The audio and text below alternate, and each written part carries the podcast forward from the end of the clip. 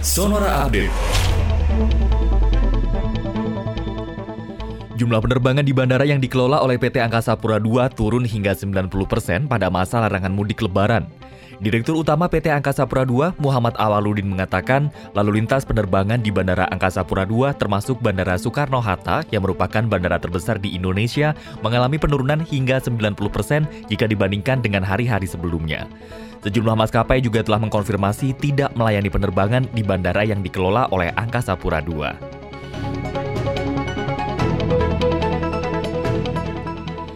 Dari Kota Bandung, sahabat Sonora, pemerintah Kota Bandung bersama instansi lainnya yang bersinggungan dengan pengamanan larangan mudik 2021 akan segera membahas terkait perubahan keputusan pemerintah pusat yang akhirnya ikut melarang kegiatan mobilitas di wilayah aglomerasi pada tanggal 6 hingga 17 Mei 2021 dalam rangka pencegahan penyebaran COVID-19.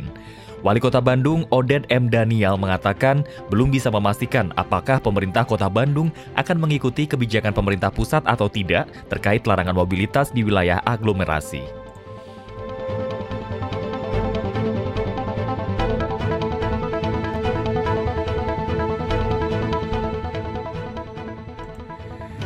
Beralih ke informasi lainnya, sahabat Sonora, dari seputar dunia olahraga, turnamen bulu tangkis Malaysia Open 2021 terpaksa ditunda.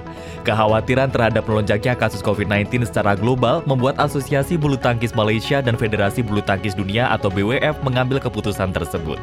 Padahal turnamen level Super 750 ini sudah diambang penyelenggaraan.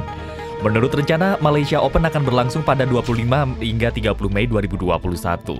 Dengan demikian, hilang lagi satu turnamen yang masuk perhitungan poin untuk menuju Olimpiade Tokyo 2021.